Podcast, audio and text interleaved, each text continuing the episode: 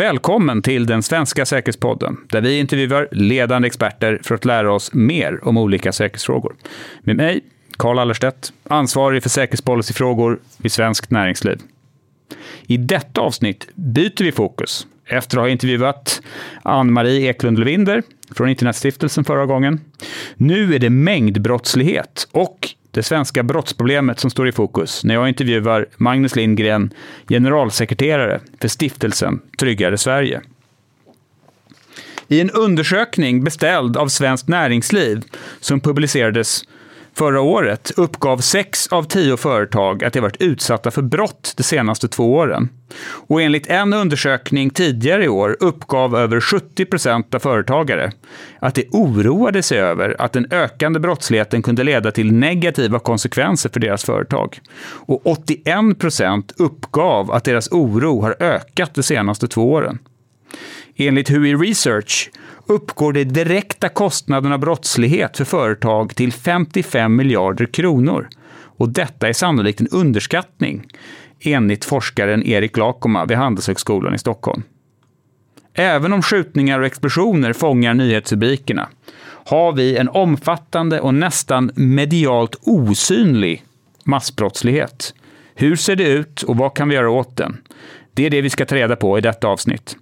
Nu ska vi prata med Magnus Lindgren, tidigare polis, forskare och nu generalsekreterare för stiftelsen Tryggare Sverige. Intervjun genomfördes i november 2019. Välkommen Magnus! Tack, tack! Innan eh, jag ber dig ge din bild av hur brottssituationen i Sverige ser ut, berätta gärna kortfattat om dig själv och vad stiftelsen Tryggare Sverige gör. Ja, nej men tack för inbjudan och möjligheten att vara med i den här podden. Angelägna frågor, eh, framför allt med tanke på situationen i Sverige idag när det gäller brott och otrygghet. Eh, ja, men jag brukar beskriva mig själv som en eh, prakademiker. Eh, och det här är faktiskt ett begrepp man talar mer och mer om utomlands. Alltså man pratar om prakademi eller prakademiker. Och jag är en prakademiker i den bemärkelsen att jag har en fot i teorin och en fot i praktiken, vilket är det man försöker fånga in med det här begreppet. Ja, prakademiker och prakademi. Jag är ju eh, doktor i psykologi och kriminolog och har ju forskat mycket om just eh, de som vi inte alls pratar om idag, nämligen de som drabbas av brott, brottsdrabbade. Eh, men jag har ju också jobbat i praktiken med de här frågorna eh, sedan början av 90-talet i och med att jag varit då anställd inom polisen först som eh, civilanställd och som polis och som eh, chef inom polisen. Har jobbat som lärare på Polishögskolan i många år och som ansvarig för brottsofferfrågor på Rikspolisstyrelsen och enhetschef i Polismyndigheten i Uppsala län. Men ehm, eh, under de senaste 13 åren har jag jobbat som eh, generalsekreterare då som du sa Karl här på Stiftelsen Tryggare Sverige och vi är ju också då en prakademisk organisation för att vi jobbar ju med teori och praktik. Vi jobbar med det där gapet mellan liksom Eh, eh, ja, forskarna och, och, och, praktiken eftersom vi har både forskare och praktiker här på, på kontoret. Eh, och, och, det där med prakademi, det tror jag faktiskt att lyssnarna ska ta till sig för att internationellt som jag sa då så pratar man väldigt mycket om prakademiker och prakademi och bakgrunden är ju bara kort. Det handlar ju om att vi har mycket kunskap, vi har mycket forskning. Problemet är att många av våra forskare är skrivbordsforskare. De kan inte tillräckligt mycket om detaljerna och därför förstår de inte problematiken. Å andra sidan har vi praktiker som många gånger inte förmår sig att ta till forskningen. Så att trots att vi har kunskap och forskning, trots att vi många gånger har resurser, så uppstår det då ett, ett mellanrum, ett vakuum och det är det vakuumet jag och Stiftelsen Tryggare Sverige jobbar i för att se hur kan vi liksom gå från teori till praktik. Eh, så. Så det var väl lite kort om mig. Ja, tack. Och jag gillar verkligen det här uttrycket prakademiker. Eh, du, du, som fokuserar på brottssituationen i, i ditt arbete och samtidigt kan ge en osensurerad bild eftersom du inte representerar någon, någon myndighet eller är regeringsrepresentant. Mm. Hur ser du eh, på den faktiska brottssituationen i Sverige. Hur ser det ut? Och när vi spelar in det här då, då har ju Danmark infört gränskontroller. Eh, vi ser om skjutningar av tonåringar i media, sprängningar. Man får ju nästan känslan av ett land i, i fritt fall. Hur, hur illa är det egentligen? Jag ska börja eh, där du tog din början, nämligen med att vi är oberoende. Alltså, jag brukar säga det, vi är i princip de enda som inte tjänar på brottsligheten i Sverige. Eh, de, alla säkerhetsföretag, alla säkerhetschefer, alla försäkringsbolag, alla andra tjänar pengar på brott. Vi tjänar inga pengar för vi är en ideell, icke vinstdrivande organisation. Eh, det tycker jag är viktigt. För lyssnarna eh, så kan det också vara bra att veta att vi tar ju inte pengar från stat eller kommun. Vi har ingen politiker i, vårt, eh, i vår styrelse utan från stiftelsen Tryggare Sverige, då, den oberoende tankesmedjan, så värnar vi om vårt oberoende. Och det innebär alltså att jag brukar, och mina medarbetare när vi är ute, brukar vi alltid inleda med att beskriva just det här faktumet. Och vi är oberoende, vi är en av de få som inte tjänar pengar på brottsligheten i Sverige idag. Eh, eh, utan vi finansieras ju då på två sätt. Dels att vi, eh, eh, jag tycker att det här är viktigt att säga för att det, det, det gör, ger lyssnarna själva då eh, en möjlighet att värdera det jag säger. Så att därför ska jag ta lite, lite tid till det. Vi tjänar pengar på två sätt, eller vi drar in pengar på två sätt. Det ena är ju att vi jobbar med näringslivet utifrån ett CSR och hållbarhetsperspektiv. Men vi tar aldrig mer än 100 000 per år och företag. Det innebär att det med all respekt är så att säga för åt helvete pengar. Om någon har synpunkter på vad vi säger, vad vi skriver, vad vi eh, eh, gör så tackar vi för gott samarbete och går vidare. Eh, det andra sättet vi får in pengar det är ju att vi jobbar med att hjälpa kommuner, företag och andra att professionalisera de här frågorna. Vi gör det som konsulter men vi gör det som icke vinstdrivande konsulter. Och på det sättet drar vi in ungefär eh, 10 miljoner per år. Och allt det vi drar in går tillbaks in i verksamheten så att vi hela tiden kan ge gratis frukostseminarier, lunchseminarier, eh, debattkvällar, eh, seminarier etc. Så att det, det, är viktigt tycker jag, tror jag också för, för lyssnarna att, att ta med sig den biten att vi är en av de få som alltså inte tjänar stålar och som är oberoende.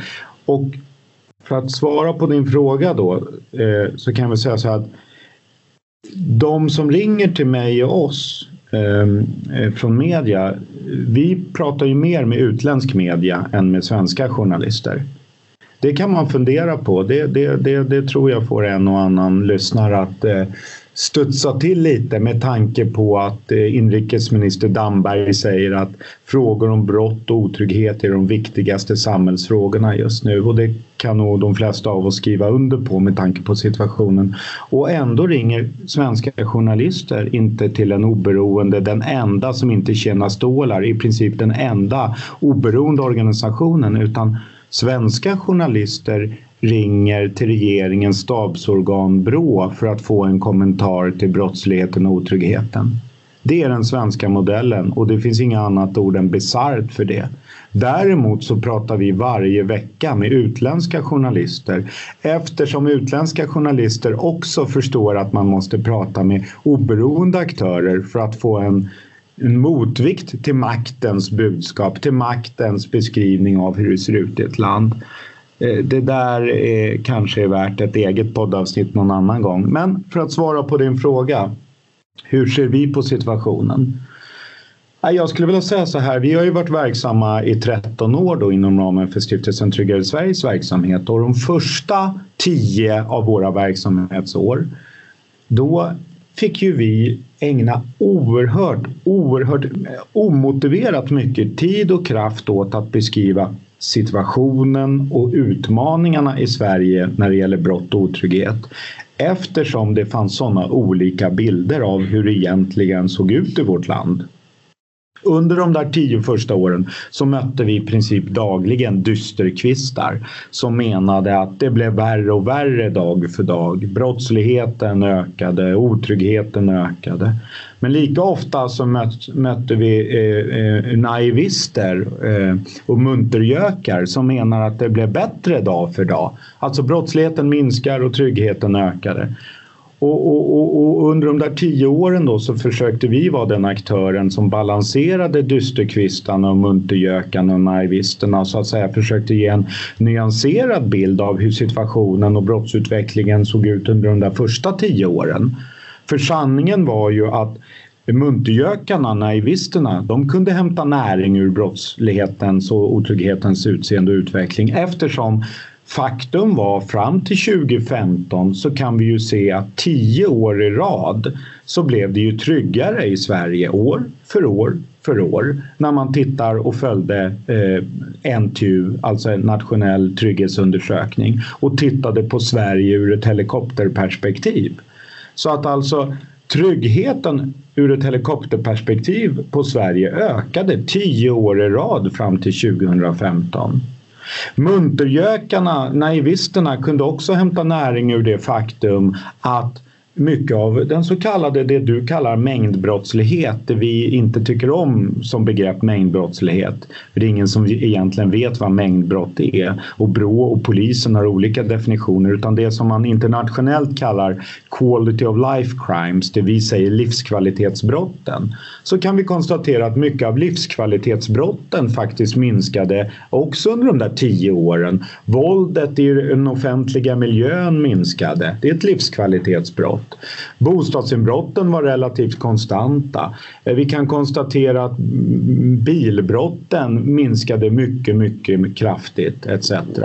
Så att alltså, det var inga problem för naivisterna, muntgökarna att hämta näring för sin tes. Men samtidigt hade dysterkvistarna också saker som eh, de kunde hämta näring ur. För att samtidigt som tryggheten ökade på nationell nivå eh, ur ett helikopterperspektiv så kunde vi se att de kommuner som redan hade problem och de kommundelar som redan hade utmaningar med brott och otrygghet de tenderade ju att få mycket, mycket större utmaningar och problem under de där tio åren. Så det skedde så att säga en trygghetspolarisering under de där tio åren. Alltså en differentierad brottsutveckling? Ja, så det blev, på vissa ställen blev det bättre och på andra ställen ja, blev det sämre? Trygga kommuner och kommundelar blev ännu tryggare.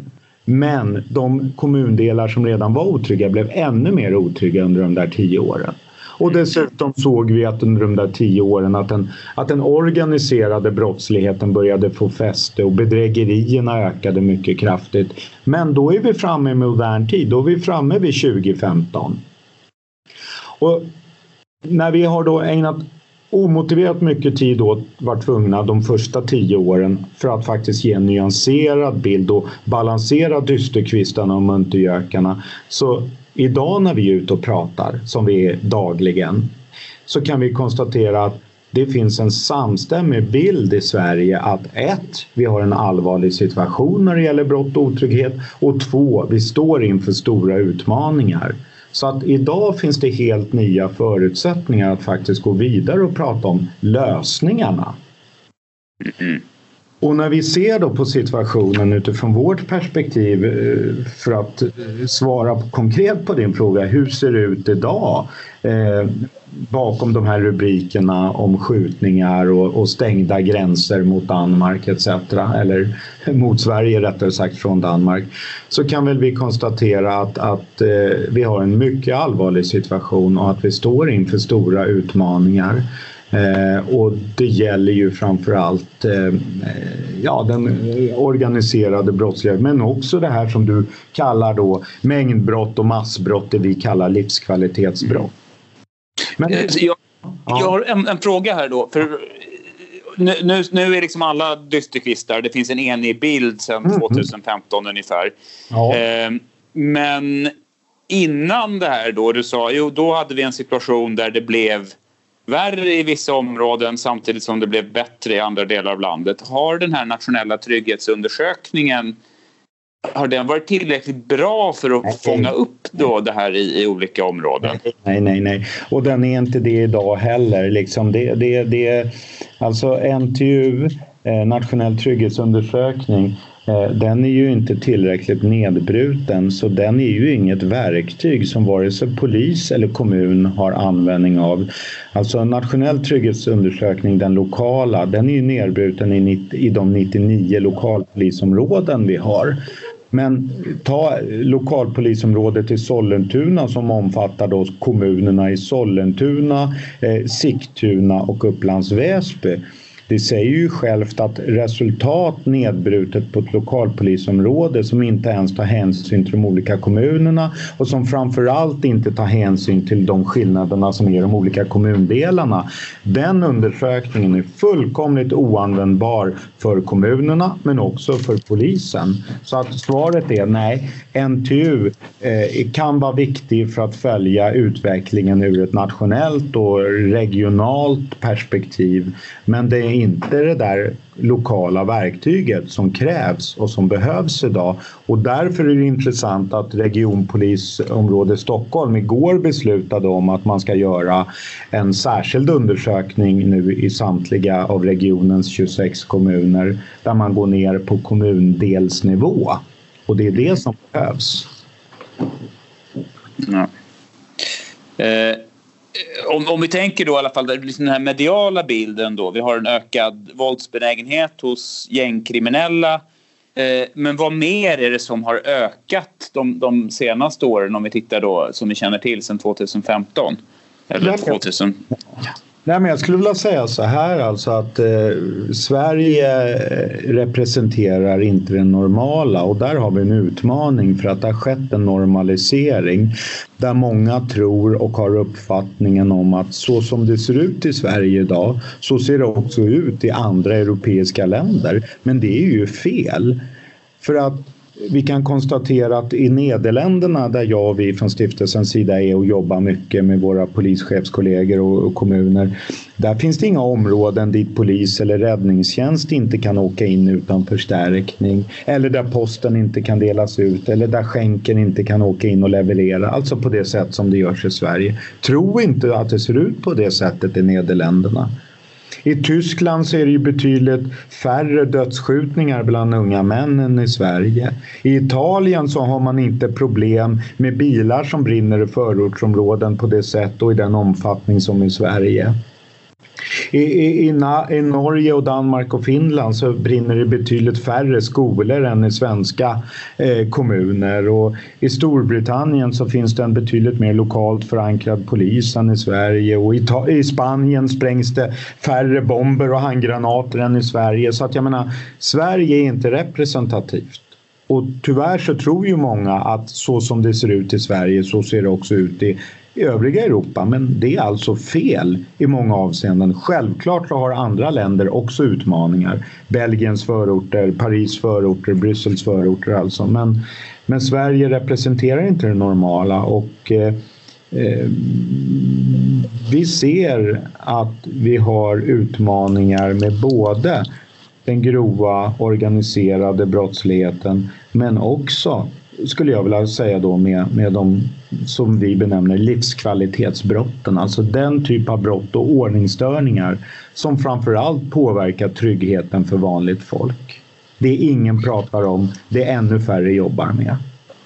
Så, så tittar vi just på den nationella trygghetsundersökningen och trots begränsningarna det som är tydligt är ändå att det, det, har blivit sämre på bred front då sen 2014 så det, 2015 och efter så har det bara blivit värre. Och liksom, vad beror det egentligen på? Ja, Nej, men det, det, det, det, stämmer ju att vi ser, vi ser ett skifte där runt eh, 2015 när eh, NTU visade då att på nationell nivå tryggheten hade ökat till 10 år och sen ser vi en dipp en dip där och vi ser samtidigt hur eh, även vissa brott då börjar öka där någonstans. Nej, jag skulle vilja säga så här att eh, det finns eh, klara och tydliga orsaker till varför så har skett. Alltså situationen är självförvållad. Den beror inte på slumpen, otur eller tillfälligheter som det ibland framstår som. Utan det här kanske chockar en del av lyssnarna. Men politiker gör skillnad. Politik gör skillnad och politiska beslut gör skillnad. Och här ser vi ett antal politiska beslut under de gångna 50 åren som leder fram till den situation som vi har i Sverige idag. Så att, jag menar, brott händer inte bara. Otrygghet uppstår inte bara, utan brott och otrygghet uppstår alltid av en orsak. Så situationen är så att säga man-made. Vi har själva försatt oss i den här allvarliga situationen med ett antal då tipping points under de senaste 50 åren som faktiskt bidrar då till att det ser ut som det gör nu 15 februari 2019 med, med, med, med alltså en påtaglig brottslighet och otrygghet i många av våra eh, kommuner. Och vad skulle du säga, vad har de viktigaste besluten varit då i den eh, processen? Ja, ska man, lyfta, fram till det här? ska man lyfta några tydliga tipping points under de här gångna 50 åren som har bidragit till den situation vi har idag så skulle jag vilja lyfta en ja, fyra, fem. Man kan säga så här att en bidragande orsak det är ju faktiskt den fysiska utformningen av våra bostadsområden eh, som de ser ut i många kommuner och kommundelar i Sverige idag. Och, och, och kort kommentar då till det är ju att i 5000 år så tenderade vi att bygga städer på ett liknande sätt där säkerhetsfrågorna var av yttersta vikt för liksom städernas överlevnad ytterst. Och därför så byggde man småskaligt. Därför så byggde man integrerat. Därför byggde man öppna framsidor som vette mot eh, eh de offentliga rummen, gator och torg där det sociala livet skedde eh, eh med en god social kontroll. Men i samband med modernismens intåg på 1900-talet, i samband med att vi på 60-talet skulle bygga mycket för många på kort tid, då vände vi upp och ner på allt det där vi hade lärt oss i 5000 år. Så istället för småskaligt så byggde vi storskaligt. Istället för integrerat byggde vi ABC-städer där man arbetade på en plats, bodde på en annan och handlade på en tredje plats med konsekvensen att alla de här tre områdena var ödsliga delar av dygnet med brottslighet och otrygghet som en konsekvens. Och dessutom vände man så att säga många gånger på våra kvarter så att de här allmänningarna, de här torgen, det här sociala livet skedde istället på innergårdarna med minskad social kontroll. Så att en tipping point, det är alltså den fysiska utformningen av våra bostadsområden på 60-talet där vi delvis har byggt in förutsättningar för att brott och otrygghet ska trivas och frodas. Det är en tipping point som är allvarlig nog. Men den tillsammans, men också var för sig, med det faktumet att ungefär samtidigt så började ju polisen lämna lokalsamhället. För samtidigt som vi byggde på ett nytt sätt som skapade förutsättningar för att brottsligheten och otryggheten skulle frodas och trivas så lämnade ju polisen lokalsamhället i samband med förstatligandet 1965. Och där vi sedan dess egentligen har saknat en lokalt förankrad och närvarande polis. Och där vi sedan dess för varje polisreform ytterligare har lämnat lokalsamhället. Det här försökte vi råda bot på under 90-talet med den så kallade närpolisreformen när man så att säga skulle eh, komma tillbaks till lokalsamhället och, och, och, och överbrygga det där som hade blivit fel då eh, 65 när vi lämnade kommunerna. Men jag menar den närpolisformen havererade och senaste då spiken i kistan var ju polisreformen 2015 när vi centraliserade all polisverksamhet till Polhemsgatan 30 och där polisen ytterligare lämnade lokalsamhället och där det maktvakuum som har uppstått på många platser har fyllts då av destruktiva krafter.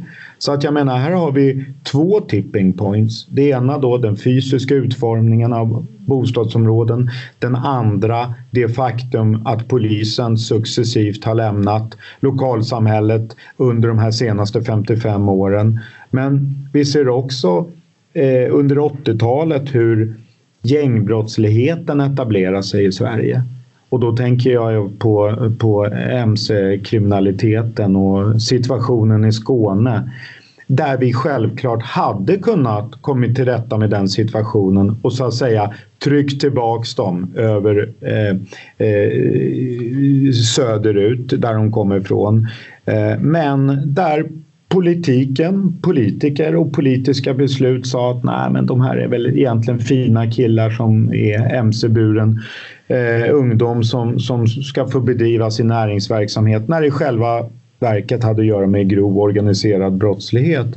Så att gängbrottslighetens intåg i Sverige under 80-talet och den tystnadskultur som den medförde och det vi ser i kvadrat idag med gängbrottsligheten och tystnadskulturen och den rapport som Brå kom med här för två veckor sedan. Ja, det är en tredje tydlig tipping point. En fjärde tipping point det är ju en misslyckad narkotikapolitik och ett överflöd av narkotika på, på, på, på våra svenska gator. Och där mantrat om ett narkotikafritt Sverige bara är en retorik. Och där situationen kommer att eskalera ytterligare under de kommande åren. Tittar vi på New York så kan vi konstatera att eh, dödligheten, den narkotikarelaterade dödligheten har ökat med 55 procent i New York mellan 2015 och 2017. Alltså, och det här ser vi nu börja komma även, även till Sverige med syntetiska opiater. Så att situationen är allvarlig redan nu med en, med en misslyckad narkotikapolitik och det kommer bli än värre. Och den sista då eh, tydliga tipping pointen som har bidragit till att vi är där vi är idag skulle jag vilja säga är ju då Samtidigt som polisen lämnade lokalsamhället ytterligare 2015, det där maktvakuumet uppstod som fylldes av destruktiva krafter, så hade vi ju migrationskrisen med enorma utmaningar för kommunerna där vi på ett mycket ovärdigt sätt tog emot våra nyanlända där jag själv var på plats i Landskrona och på Stockholms central och såg att eh, vissa av de nyanlända de gick till de positiva krafterna i form av kommunerna, i form av Röda Korset. Men ungefär lika många gick till de destruktiva krafterna som stod med sina skyltar och tog emot och hamnade direkt in i ett parallellsamhälle. Så att situationen är självförvållad där vi är idag. Den beror inte på slumpen, otur eller tillfälligheter utan politik gör skillnad och politiska beslut har påverkan på brottsligheten. Mot den här bakgrunden du, du har målat fram här finns det ändå områden, brottsområden där det har blivit bättre under den här perioden? Ja, det gör det ju. Det gör det ju. Alltså, pratar vi ett europeiskt perspektiv men delvis också svenskt så ser vi historiskt låga nivåer på vissa brott. Och då talar jag ju självklart inte bara om anmälda brott utan också det vi fångar in genom offerundersökningar och olika specialstudier. Och det handlar ju eh, en hel del om den traditionella brottsligheten med, med stöld och skadegörelsebrott där, där vi ser att bostadsinbrotten är tämligen oförändrade. Vi ser till och med en nedgång här fram till 20, 2018 och, och indikationer på en viss eh, fortsatt minskning. Men historiskt låga nivåer av, av, av vissa tillgreppsbrott. Så det är självklart att vissa brott har minskat Andra är oförändrade och ytterligare andra ökar. Men det stora problemet är ju att den typ av brottslighet som ökar har att göra med den grova organiserade brottsligheten. Men ett annat problem det är ju det att all uppmärksamhet i samhället idag tenderar ju att vara på det grövsta, det värsta, vilket självklart också är naturligt. För det är terrorhot vi lever med. Det är en grov organiserad brottslighet. Det är en gängkriminalitet. Det är en våldsbejakande extremism. Det är frågor som måste adresseras. Men problemet uppstår ju när 98 procent av brottsligheten ändå är annan typ av brottslighet som inte har att göra med det här. Och problemet blir än värre när vi ser att ingen pratar om och ännu färre arbetar med de här 98 procenten som är den typ av brott och ordningsstörningar som framförallt påverkar människors trygghet i vardagen. Och dessutom, när man frågar experterna, det vill säga de drabbade själva, alltså de som bor i, i, i våra 22 särskilt utsatta områden eller våra 40 utsatta områden eller våra 60 öppna drogscener eller alla andra 290 kommuner. När man frågar experterna, vad är problemet för dem? Då är det ju sällan det kommer upp frågor som rör eh, terrorhotet eller den organiserade brottsligheten utan det som alltid, alltid kommer högst det är ju klotter och skadegörelse. Det handlar om män som kontrollerar eh, kvinnor i det offentliga rummet. Det handlar om unga killar som skrenar och skriker. Det handlar om moppar och bilar som kör fort i områden. Den typ av brott är ju det som framförallt påverkar människors trygghet i vardagen. Och det pratar ingen om idag. Och det jobbar ännu färre med. Och det påverkar självklart näringslivet och förutsättningarna för handeln på, på, på ett sätt som, som vi börjar se effekter av nu. Det du refererade till inledningsvis också, Karl. Jag har pratat med Per Geijer också eh, för den här podden. Och just det här när vi tänker till exempel stölder så har ju antalet polisanmälda stölder minskat och uppfattningen i handeln är ju absolut inte att det här problemet minskar utan att man helt enkelt inte anmäler brotten för man ser inte att det ger något att, att, att göra det. Hur, hur stort tror du det här problemet är och liksom den här mörkertalsproblematiken? Det är mycket omfattande. Eh, det är två saker eh, som Brå aldrig har gjort eller tittat på och som borde vara de viktigaste frågorna nu när vi här igår fick en ny generaldirektör på Brottsförebyggande rådet. Det ena handlar om att göra det ni har försökt göra på Svenskt Näringsliv, nämligen en gång för alla försöka tala om för oss vad kostar egentligen brottsligheten och otryggheten? Det har de aldrig gjort. Det andra som de aldrig har gjort, det är att tala om hur stora är egentligen mörkertalen? Och då är det klart att har vi en polis som inte arbetar med det jag och vi kallar för livskvalitetsbrott om näringsidkare, näringslivet, handlare upplever att den typ av brott och ordningsstörningar man anmäler inte utreds, ja då är det självklart att det för med sig ett minskat förtroende för rättsväsendet som ytterst i dess förlängning gör att man inte anmäler brott utan att man hanterar det på andra sätt. Och det får vi ju dessvärre eh, berättelser om hur man som handlare pratar med kanske en ännu värre bus i ett område som i sin tur då går på de här kriminella. Och sen har man kommit till rätta med den typ av brottslighet som man som bensinhandlare kanske utsätts för just då och just där. Men å andra sidan har man sålt en del av sin själ till den grovorganiserade och till gängkriminaliteten. Och det är inget samhälle jag vill leva i. Så det är en mycket farlig utveckling och självklart ser det utmaningar med, med stora mörkertal. Mörkertal vi egentligen inte har någon uppfattning om hur stora de är och det som vi aldrig har fått hjälp att klara ut heller. Och hänger det här ihop då med uppklarningsgraden av brottslighet? Så vad betyder det att vi har ett problem i Sverige att vi har en låg uppklarningsgrad, att, att det blir få som faktiskt blir identifierade och dömda för de brotten som begås. Så det hänger väl lite ihop då, liksom varför anmäla och sen även incitamentstruktur. Liksom vad betyder det här med uppklarningsgraden för framtiden och brottsutvecklingen? Det är klart att det är allvarligt, men jag menar, det, det, alltså, man kan väl säga så här, brottsligheten i Sverige, brottsligheten i hela Europa är idag så pass omfattande i många stycken att det är naivt att tro att vi ska kunna arrestera oss ur de problem vi har.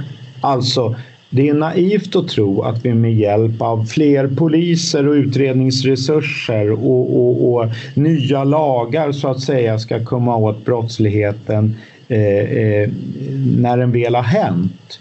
Vi kommer alltså aldrig att kunna utreda oss bort från det här. Vi kommer aldrig kunna arrestera oss ur problemen. Utan vi måste införa, det, må, det är ett helt paradigmskifte som behövs där fokus istället läggs på att förebygga och förhindra att den här typen av brott uppstår. Alltså, självklart är det ett problem för många brottstyper att få brott klaras upp. Men det är inte där lösningen ligger i sig utan lösningen ligger i att försöka ändra fokus från att klara upp brott till att förebygga och förhindra att de överhuvudtaget inträffar. Det är den stora utmaningen i samhället idag. Ett mer holistiskt tänkande helt enkelt? Ja, holistiskt eller inte, men helt enkelt se till att brotten inte... Alltså, för att i vårt land så har vi ju trott att det enda sättet att minska brottsligheten egentligen handlar om att få lite snällare människor som är mindre motiverade att begå brott. Under många år har det funnits en naiv uppfattning att man begår brott för man är fattig. Men jag menar, det är ju en skymf mot 98 procent av de som bor i våra särskilt utsatta områden som med en so låg social, socioekonomisk situation. Det är en skymf mot alla fattiga människor att ens antyda att man skulle begå brott för man är fattig. Man begår brott för man kan begå brott. Och då är det där vi är ett uland i många stycken i vårt land där vi inte har arbetat med så att säga de omständigheter i miljön som gör det möjligt att begå brott. Och det är det som kallas för situationell brottsprevention som är betydligt mer eh, jag menar, eh, ett, ett, snabbare sätt så att säga att också minska brottsligheten. Och det handlar inte om att bara jobba med så kallad situationell brottsprevention. Självklart ska vi även fortsättningsvis också jobba med social prevention som handlar om att påverka de förutsättningar eh, i uppväxtförhållanden etc. som påverkar möjligheten att bli en god eh, laglydig eh, samhällsmedborgare. Men vi måste också jobba med de faktorer Eh, som gör det möjligt att begå brott. Och det handlar om fysiska utformningen, det handlar om tillgången till, till eh, kapabla, eh, till, till, till, eh, tillgängliga objekt. Och det handlar om att stärka den sociala kontrollen eh, på olika sätt. Genom den fysiska miljöns utformning men också genom hur vi jobbar med den formella sociala kontrollen, det vill säga poliser, ordningsvakter, väktare, värdar etc. De här tillkortakommandena i, i, i Sverige, hur, om du tittar på ja, resten av Europa kanske, hur unikt är det här? För vissa av de här problemen finns väl på, på annan ort också. Det är inte unikt svenskt. Men, men liksom hur allvarligt är just det svenska misslyckandet i, i, i perspektiv och i relation till andra länder? Ja, men, eh, lite av det jag försökte beskriva tidigare så, så vill jag och vi poängtera att Sverige inte representerar Eh, Eh, situationen i övriga Europa. Men det betyder ju inte att man inte har problem i, i andra länder. Alltså i, i, Paris förorter har man ju enorma problem med allt från våldsbejakande extremism till, till så kallade quality of life crimes, alltså livskvalitetsbrott. I Storbritannien där jag var för två veckor sedan och träffade New Scotland Yard och de ledande forskarna har man ju enorma problem just nu med dels syraattacker som används i samband med rån, alltså inte bara det här kanske traditionella vid hedersrelaterad brottslighet som är nog så allvarlig och viktig. Men, men med syraattacker vid, vid, vid rån, med, med mopedrån, med mängder med, med, med knivskärningar eh, och knivmord. Så det är klart att man, man vi, har utmaningar överlag och vi har också utmaningar i den meningen att som i Storbritannien kan man nu för första gången rapportera att 51 procent av alla anmälda brott är cyberrelaterade. Alltså för första gången så ser vi liksom att den traditionella brottsligheten då har, har ändrat karaktär till den i bemärkelsen att eh, majoriteten av alla anmälda brott är, är, är cyberrelaterade och där vi kan konstatera att våra poliser är fel generation och har fel utbildning för att hantera det. Så det innebär att vi också måste hitta nya sätt och nya arbetssätt och kanske helt nya kategorier för att komma till rätta och hantera den nya brottsligheten vi ser både i Sverige men också i många andra eh, av våra eh, grannländer i Europa. Jag tänker om vi, om vi skulle hitta på en tidsmaskin och åka tillbaka 10-15 år mm. och såg de här rubrikerna som finns nu eh, och den verklighetsbeskrivning som, som, som eh, existerar då, då, skulle folk nästan inte tro på den. Man skulle tycka det var för extremt. Men ja, om vi tänker istället att, att, ja. ja, förlåt. Ja, nej, nej, för jag tänkte att om vi åker in i framtiden 5-10 år, liksom, hur, hur, kommer, hur kommer det se ut då? Och vad tror du? Vad är din framtidsspaning om, om brottsläget i Sverige 5-10 år? Ja, men först en kommentar kring, kring det jävligt intressanta du förstås säger att om vi hade kunnat gå tillbaks 5-10 år i tiden, vad hade människor sagt? Nej, men jag vet ju vad människor sa då. För, för jag och vi på stiftelsen Tryggare Sverige, vi har ju sett det här komma. Vi har ju sagt det här i, i 13 år men ingen har ju velat lyssna. Och det mest allvarliga det är ju att många av dem som har kallat oss för dysterkvistar under de här gångna 13 åren eh, de står ju själva och säger idag vi har varit naiva.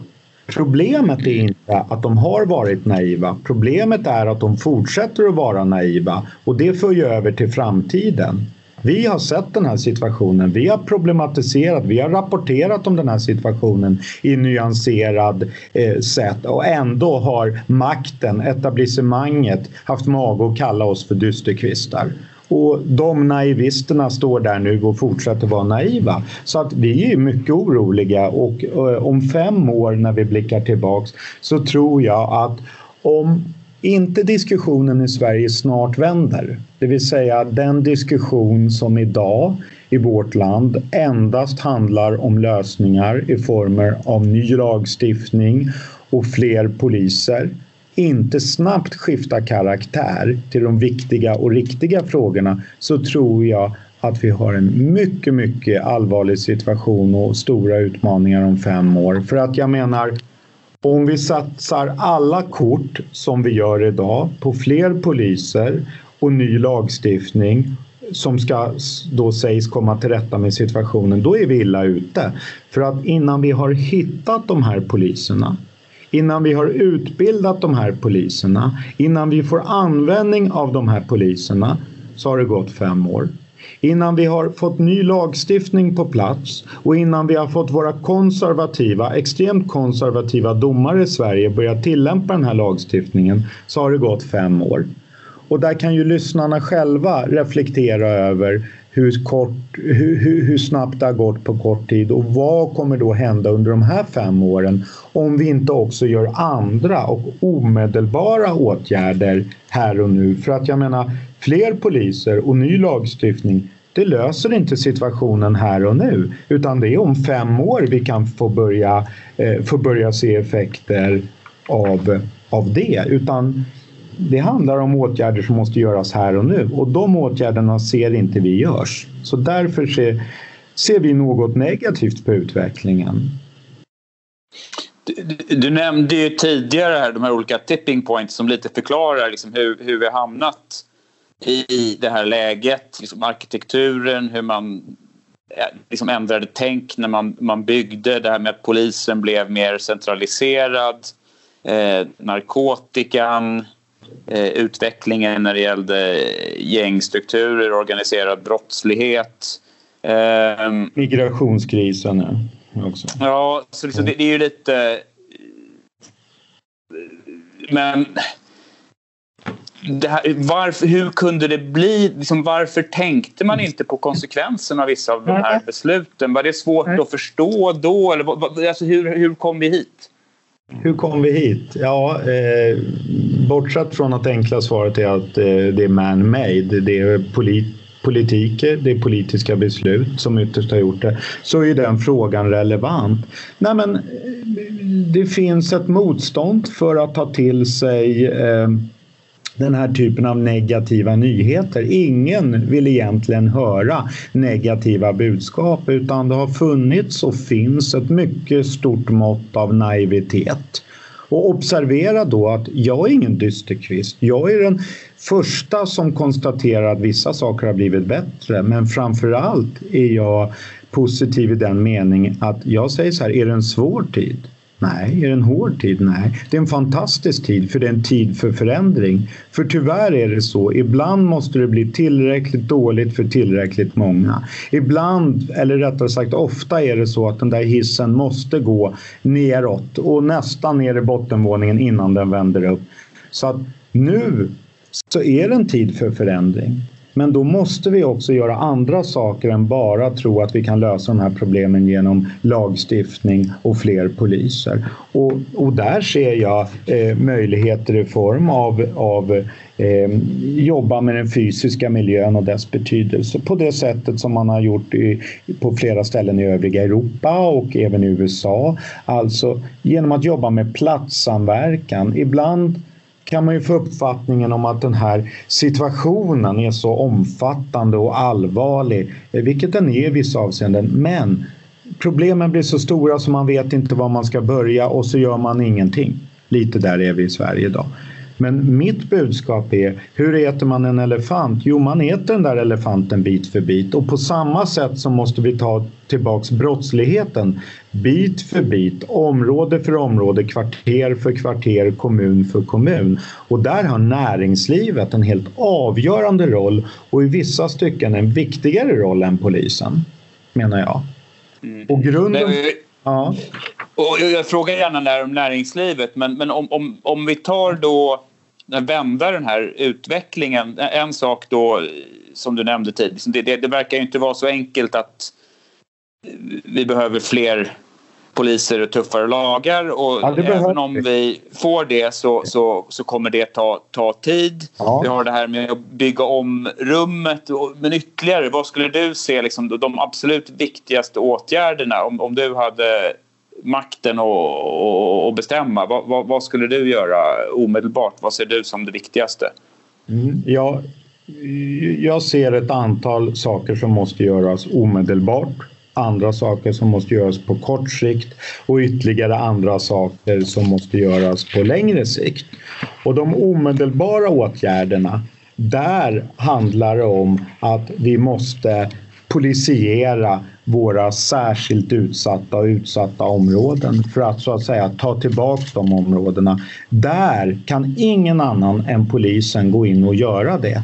Och där måste vi avsätta helt nya resurser och, och, jag menar vi har ju precis från Stiftelsen Tryggare Sverige kommit med ett åtgärdsprogram för ett säkrare och tryggare Sverige där vi beskriver det här i detalj. Några av de omedelbara åtgärderna, de åtgärder som vi ser på kort respektive längre sikt.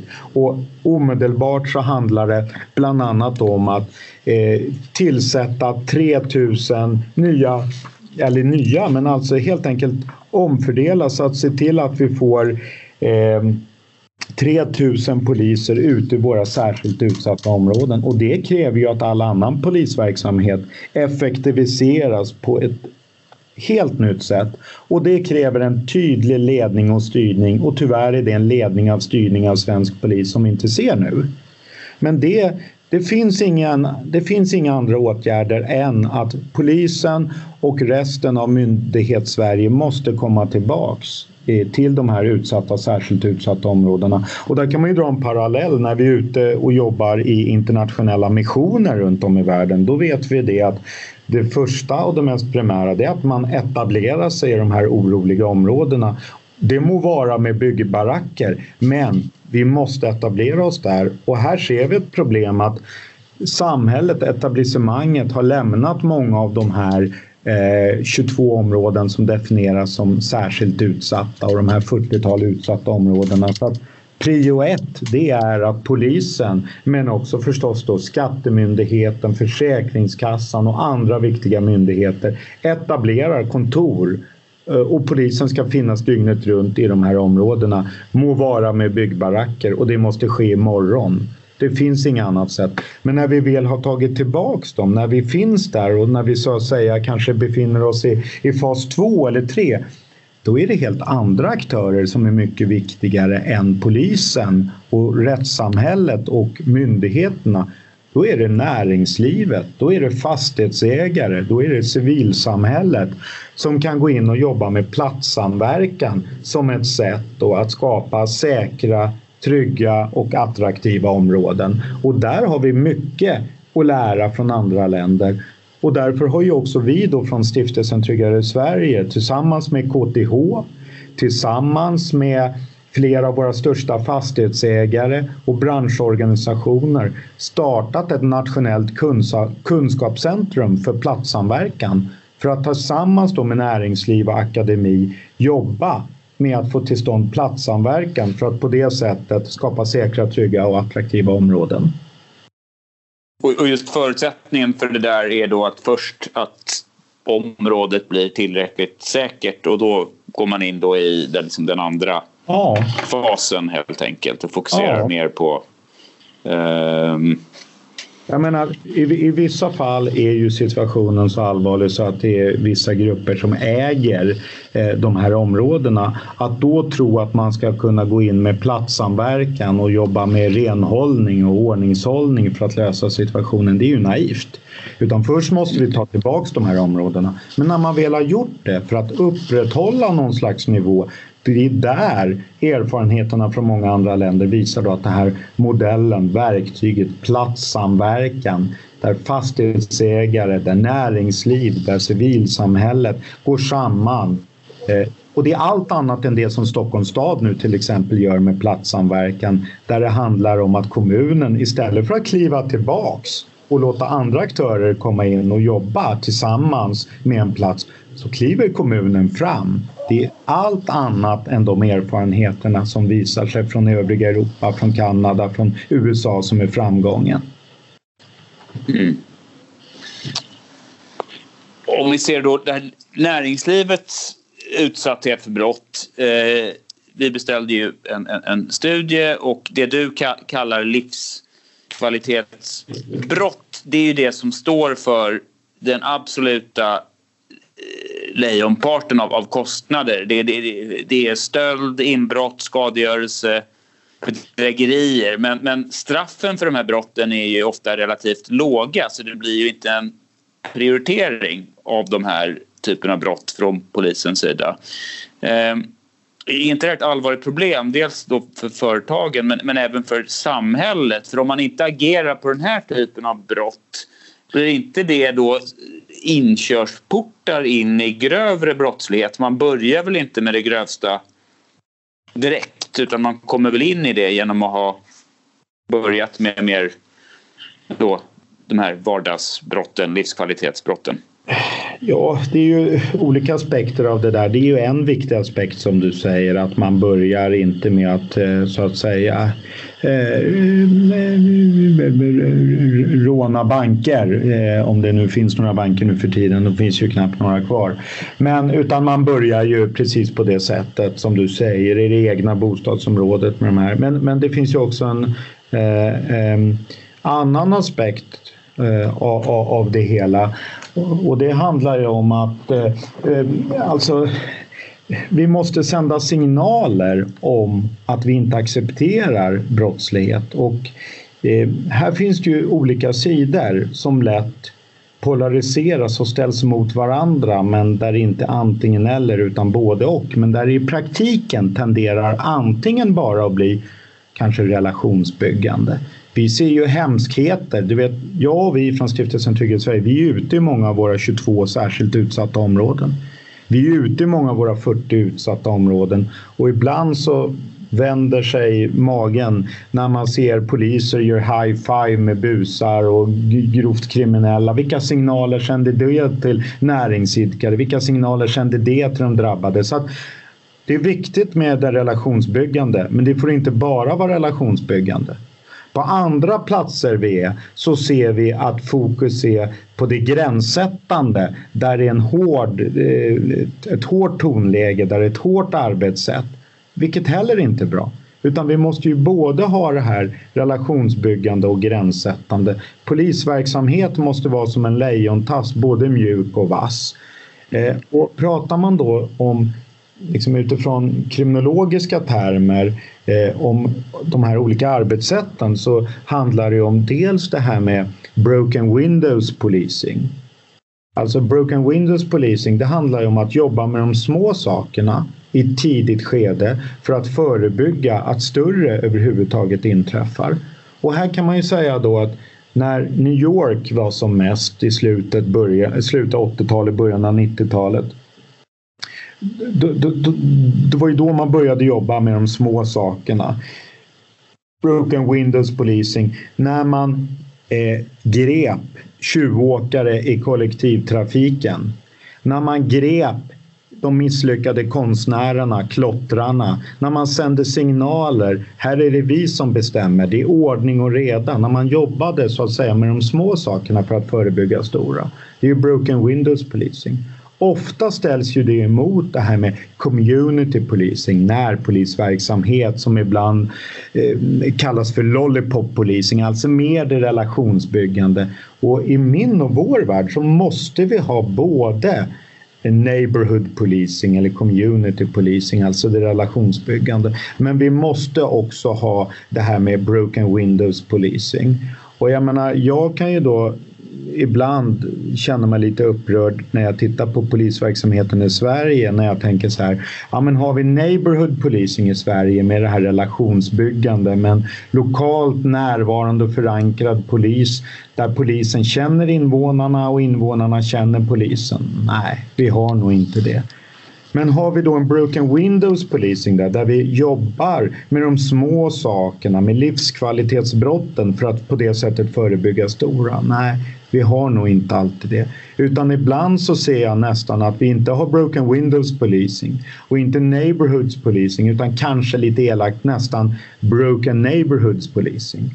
Alltså det där måste brytas. Vi måste både ha det relationsbyggande och en community policing med den lokalt förankrade närvarande polisen. Men också det gränssättande som då kan beskrivas som broken windows policing. Är hur fixar man det? Hur, hur kan man få det att komma... Det handlar om ledning och styrning förstås av polisverksamheten. Det handlar om accountability. Det handlar om att justitieministern håller rikspolischefen ansvarig och utkräver ansvar. Det handlar om att rikspolischefen håller sina regionpolismästare ansvariga och utkräver ansvar. Det handlar om att regionspolismästarna håller sina lokalpolis etc. ansvariga. Och vi ser inte det idag i Sverige tyvärr. Mm. Eh, eh, jag vill hoppa tillbaka till det här med brottsstatistiken. Eh, vi, vi nödade ju lite på det tidigare där. Men om jag, om jag tolkar det rätt så, så du, du tycker det finns allvarliga brister i den svenska brottsstatistiken när det gäller att ge en adekvat verklighetsbild till, till våra beslutsfattare. Hur skulle du vilja ändra på den? Och, Nej, jag skulle nog inte vilja formulera det på det sättet. Jag, jag, jag skulle vilja formulera det på det här sättet. Brott sker inte i Sverige. Brott sker inte i en region. Brott sker alltid i en kommun eller rättare sagt på en plats. Och för att komma åt de här brotten som sker i en kommun, i en kommundel, på en plats så måste vi ha statistik som är nedbruten, inte för Sverige, inte för en region, knappt heller på en kommun utan vi måste ha kunskap om brottslighetens utseende och otrygghetens utseende i en kommun, i en kommundel, på en plats. Och det har vi sällan idag eftersom NTU har inte det syftet, ger oss inte det svaret. Så att det är väl snarare där jag riktar kritik då mot att eh, för att en kommun, för att ett lokalpolisområde, för att det lokala näringslivet, civilsamhället ska kunna jobba då tillsammans eh, mot brott och otrygghet för att få de här säkra, trygga, attraktiva platserna. Då måste vi ju ha en adekvat bild av situationen och utmaningarna i just den kommundelen på just den platsen. Och, och, det är väl där vi inte riktigt får det av de befintliga verktyg som finns i form av NTU och NTU lokal. Det är alltså inte det som polis och kommun behöver för att kunna initiera ett, ett, ett eh, kunskapsbaserat arbete. Ett, ett, annat problem från företagsperspektivet är också att eh, det är bara personer man fokuserar på. Så man tänker just det här med företag. Eh, man skulle ju kunna tänka sig att göra en nationell trygghetsundersökning för oh. företag. Eh, och även om man får förbättrade förutsättningar att se om målsäganden i olika ärenden är, är, är, företag eller privatpersoner. Då får man också en bättre bild. För det kan ju vara differentierad utveckling. Ja. Jag tror att vi är framme där. På samma sätt som vi har PTU, politikernas trygghetsundersökning, så, så finns det nog skäl till att få fördjupad kunskap hur det ser ut för näringslivet. Framför allt då när näringslivets aktörer rapporterar om en allt större utsatthet eh, vid sidan av alla andra utmaningar man står inför med e-handel etc. och det som riskerar och redan idag utarmar våra kommuner och kommundelar från, från, från där näringslivet lämnar så, så, är det ju också förstås det här med brottsligheten och otryggheten en, en viktig aspekt att jobba med så att vi inte ytterligare försämrar förutsättningarna för näringslivet. Och det är ju där då vi försöker genom det här nationella kunskapscentret för platssamverkan tillsammans med fastighetsägarna, med branschorganisationen och med akademin faktiskt jobba på det sättet. Min erfarenhet efter alla år det är ju det att Problemet är ju inte att näringslivet inte vill vara med och ta sitt ansvar.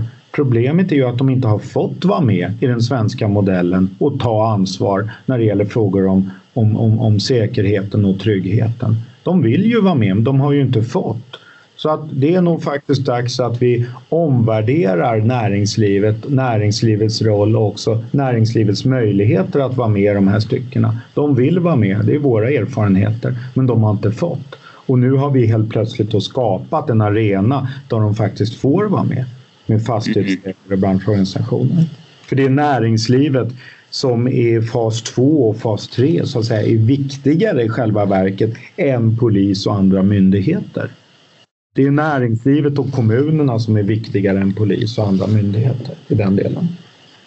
Om man tänker då strukturer för att involvera näringslivet, hur bra är kommunerna på att stämmer liksom dels det här med liksom medborgarna men, men med näringslivet för det är känslan av att det är naturligt för dem att tänka på det när de har sin dialog med, med, med polisen att man representerar det här näringslivsperspektivet eller kan man förbättra det där? Ja, nej, men man kan väl säga så här. Ansvaret för säkerheten i Sverige är ju statligt sedan 1965. Men de som får ta hand om konsekvenserna, det är ju kommunerna. Men utan att kommunernas förmåga att jobba inom det här området är utklarat. Det är ju faktiskt så att kommunerna i Sverige idag, våra 290 kommuner, de har ju inget lagstadgat ansvar att jobba brottsförebyggande. Och när man plockade polisen från kommunerna 1965. Sen 1965 har kommunerna inte jobbat med de här frågorna. För det är ju ett statligt, det är ett polisiärt ansvar. Problemet blir ju att jag skulle ju vara fullkomligt rasande om jag var kommunalråd i en kommun eh, där jag saknar ansvar för och, och, eh, att jobba med de här frågorna. Och sen kommer den statliga polisen, de som har det här ansvaret och säger så här, jo du, du har två särskilt utsatta områden i din kommun nu. Det är ju polisens ansvar att se till att det inte är skett. Och så hamnar det på kommunerna. Så att det är klart, det här är ett problem att ansvaret för säkerhet är statlig men de som får ta hand om konsekvenserna är ju kommunerna och ytterst så drabbar ju de boende och näringsidkarna och de som verkar i en kommun. Det är ett problem.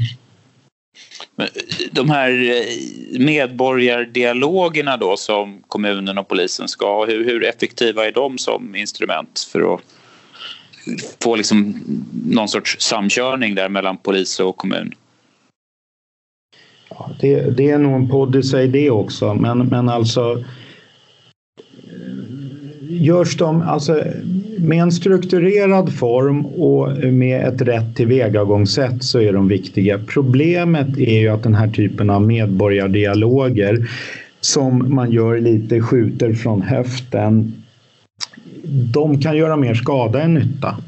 Hur många dialoger har inte jag varit på där det är den mest destruktiva, ofta unge mannen som ställer sig upp och gör till talesperson för ett helt område och konstaterar prata inte illa om vårt område, det är fint och ett bra område där vi trivs. Jag menar, så att ofta är det ju de mest destruktiva som gör sig till talespersoner för ett helt område eller en hel kommundel. Och därför är det oerhört viktigt hur de här dialogerna går till och att man faktiskt på ett strukturerat sätt eh, ger alla människor, alla boende, alla näringsidkare möjligheter att tycka till. Och hittar man den strukturerade modellen, ja då är det ju förstås ett viktigt underlag. Men vi tycker väl inte riktigt att vi ser det.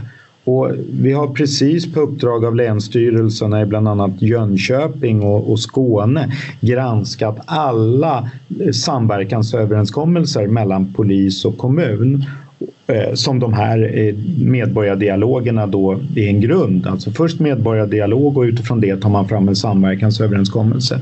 Och där kan man väl snällt sagt säga att det finns lite övrigt att önska i de där samverkansöverenskommelserna. Så att vi har nog inte hittat den där strukturerade professionella modellen med så kallade medborgardialoger och vi har nog inte hittat rätt modell med samverkansöverenskommelser. Eh, ja, det var lite snällt uttryckt. Mm. Alltså, om vi tänker liksom ett grundproblem i Sverige har det att göra med att många kriminella de är helt enkelt inte speciellt rädda för polisen. Om vi tänker då på våldsmonopolkonceptet. Det fungerar ju inte riktigt om kriminella är mer rädda för andra kriminella än statsmakten. Hur, hur kan man vända på det där? Nej, jag tror svaret på den frågan är densamma som, som jag redan har adresserat. Vi måste ha en lokalt förankrat närvarande polis som jobbar både relationsbyggande men också gränssättande. Det är svaret även på den frågan. För att visst är det på det sättet att, att, eh, att eh, det inte alltid finns den där respekten för rättsväsendet. Men det, det, det, finns inga genvägar där utan vi måste ha en lokalt närvarande förankrad polis där polisen känner medborgarna, invånarna och invånarna känner polisen. Vi måste alltså jobba med det här relationsbyggande. För det är i sig en förutsättning också för det gränssättande. Och problemet blir ju riktigt allvarliga om vi vare sig har det relationsbyggande eller det gränssättande. Sen finns det självklart platser. Jag får ju ofta höra när man säger så här. Ja, men hos oss fungerar det. Ja, men grattis! Det är väl jättebra till lyssnarna. Fungerar det hos er? Jag är de första att gratulera att det fungerar hos er. Men så fungerar det inte på andra platser. Det är väl egentligen det budskapet är. En sak om vi tänker polisen, men skolans roll, hur viktig är den? För om man tänker då att de som blir kriminella som, som äldre. Liksom det, det börjar väl någonstans med stökigt beteende i lägre åldrar och det här med gränssättande, är skolan tillräckligt bra på det? Du och jag ska prata skolan. Det är en oerhört viktig fråga. Polisen ska inte prata skolan. Jag blev direkt provocerad när några av de högsta polischeferna eh, publicerade debattartikel här om skolans roll. De har nog med att fokusera på i sin egen verksamhet. Tänk om några av våra ledande skolchefer skulle skriva en motsvarande debattartiklar och synpunkter på polisens verksamhet. Vilket ramaskrik det skulle bli. Skolan är viktig. Och jag och vi på stiftelsen Tryggare Sverige, vi jobbar ju mycket med skolan och tyvärr så kan ju vi konstatera att eh, alla pratar om utsatta områden i Sverige idag. Alla pratar om skolan vill jag nog påstå. Alla pratar om barn och unga. Men knappt någon verkar lägga ihop de här tre parametrarna. För när vi är ute och gör analyser, som vi är hela tiden i våra 22 särskilt utsatta områden, vi är ju inga skrivbordsforskare, utan vi är ute hela tiden. Och när vi är ute då och gör analyser i de här särskilt utsatta områdena och i de utsatta områdena etc. så kan ju vi konstatera att tyvärr det är ofta de sämsta skolorna i de mest utsatta områdena med lägst antal lärare, lägst andelen behöriga lärare och den fysiska miljön i skolorna i de här särskilt och utsatta områdena ska vi inte prata om. Så att du har rätt, det är ett gigantiskt svek. Vi har svikit de mest utsatta, inte ens alltså i skolan är man säker och trygg i många av våra särskilt utsatta och utsatta områdena och det är inget annat än ett gigantiskt svek. Så det är klart att skolans roll är viktig, men polisen och polischefer ska inte komma och snacka om skolan. Utan det är andra som ska göra och tyvärr så gör ju inte andra det. Utan skolan är ju förstås en oerhört viktig roll. Ordning och reda, det är inget farligt. Det måste vara ordning och reda det ska vara en struktur och frågor om säkerhet och trygghet måste prioriteras i skolan. Och där ser vi ett generellt problem i skolan idag för att skolan är faktiskt en av de vanligaste brottsplatserna för barn och unga. Och många ungdomar, barn och unga är dessutom otrygga i skolan. Så att jag menar, om, om det här tillåts vara i skolan så blir det ju lätt en internaliserad bild som man går ut sen i samhället med som barn och unga. Att några utses som gärningspersoner, några utses som offer och det är ett förhållande som så att säga har befästs i skolan och en bild som man sen tar med sig ut i, i vuxenvärlden. Så det är klart att skolan är viktig. Eh, och det finns ett stort behov av att lyfta frågor om säkerhet och trygghet i skolan. För det är tyvärr icke-frågor idag i väldigt stor utsträckning i skolans värld.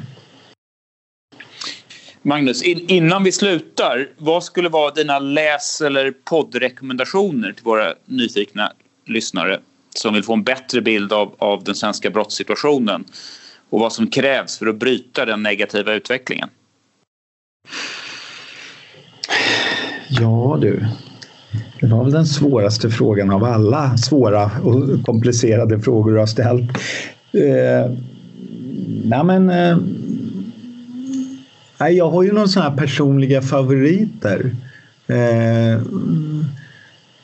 jag tänker så här, och, och man, ja, men det är några saker som har påverkat mig eh, som jag tror, ja, kan man väl få tips om. Eh, jag har precis läst eh, Jens Liljestrands utmärkta biografi över Vilhelm Moberg.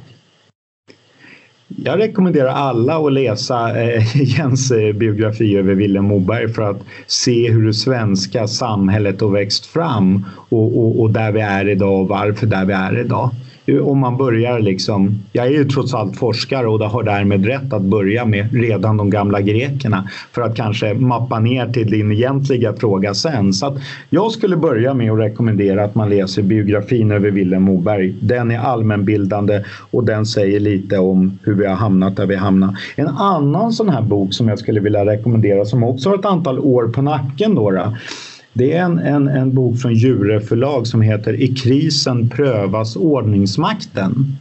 En liten intressant genomgång av bland annat Ansa Hagström som jobbar på, på Säpo idag eh, och Dag Hansén som, där man har gått igenom ett antal extraordinära händelser som har inträffat under de gångna decennierna i Sverige med frågeställningen ja, men vad har vi lärt oss från de här händelserna och tagit med oss? Och hur har det påverkat vårt sätt att arbeta. Och det är från eh, flygplanskapningen på Bulltofta till sprängningen av västtyska ambassaden, mordet på Olof Palme etc. framåt. Och kontentan av den boken är att man har inte lärt sig någonting. Utan man tenderar att göra om samma misstag gång på gång på gång på gång. Den är en liten intressant bok för att se, liksom, ha med sig varför är det som det är. Mm. Eh, om man, det låter som upp, uppiggande läsning. nej, men jag tror att det är fullkomligt nödvändigt att ha med sig det för att förstå varför det ser ut som det gör. För att förstår vi inte varför det ser ut som det gör kommer vi aldrig att komma åt situationen. Och jag och vi är ju oerhört positiva. Vi menar ju att det går att göra någonting.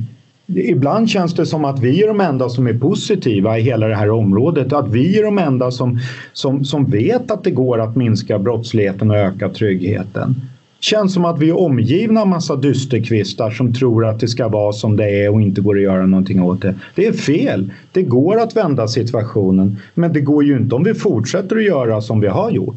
Utan man måste förstå varför det ser ut som det gör och sen måste man jobba rimligtvis då på andra sätt. Och där finns det ju mycket både nationella och internationella erfarenheter. Och, och, och, bland annat har jag en lista med tio faktorer som jag ser är, är, den röda tråden på faktiskt ställen där man har vänt en negativ utveckling. Så att det finns erfarenheter, det finns kunskap. Men jag tror att både den här biografin då, Jens Liljestrands över Vilhelm Moberg förklarar varför vi är där vi är. Och också den här i krisen prövas ordningsmakten. Men sen självklart så vore det ju fel om att inte lyfta några av våra publikationer här från Stiftelsen Tryggare Sverige. För att jag menar, vi, ger ju hela tiden gratis frukostseminarier, gratis lunchseminarier, gratis debattkvällar och publicerar hela tiden små, små skrifter, små artiklar.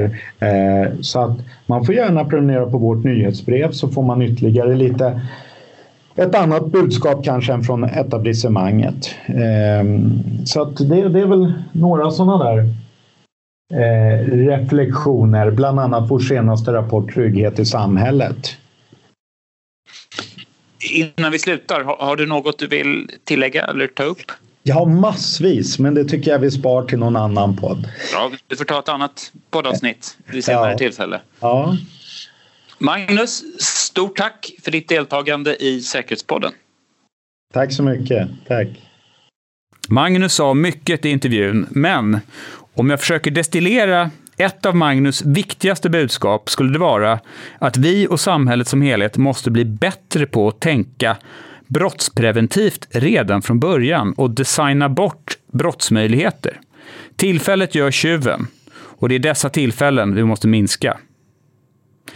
I nästa avsnitt fortsätter temat mängdbrott och vi talar med Per Geijer, säkerhetschef vid Svensk Handel. Välkommen tillbaka.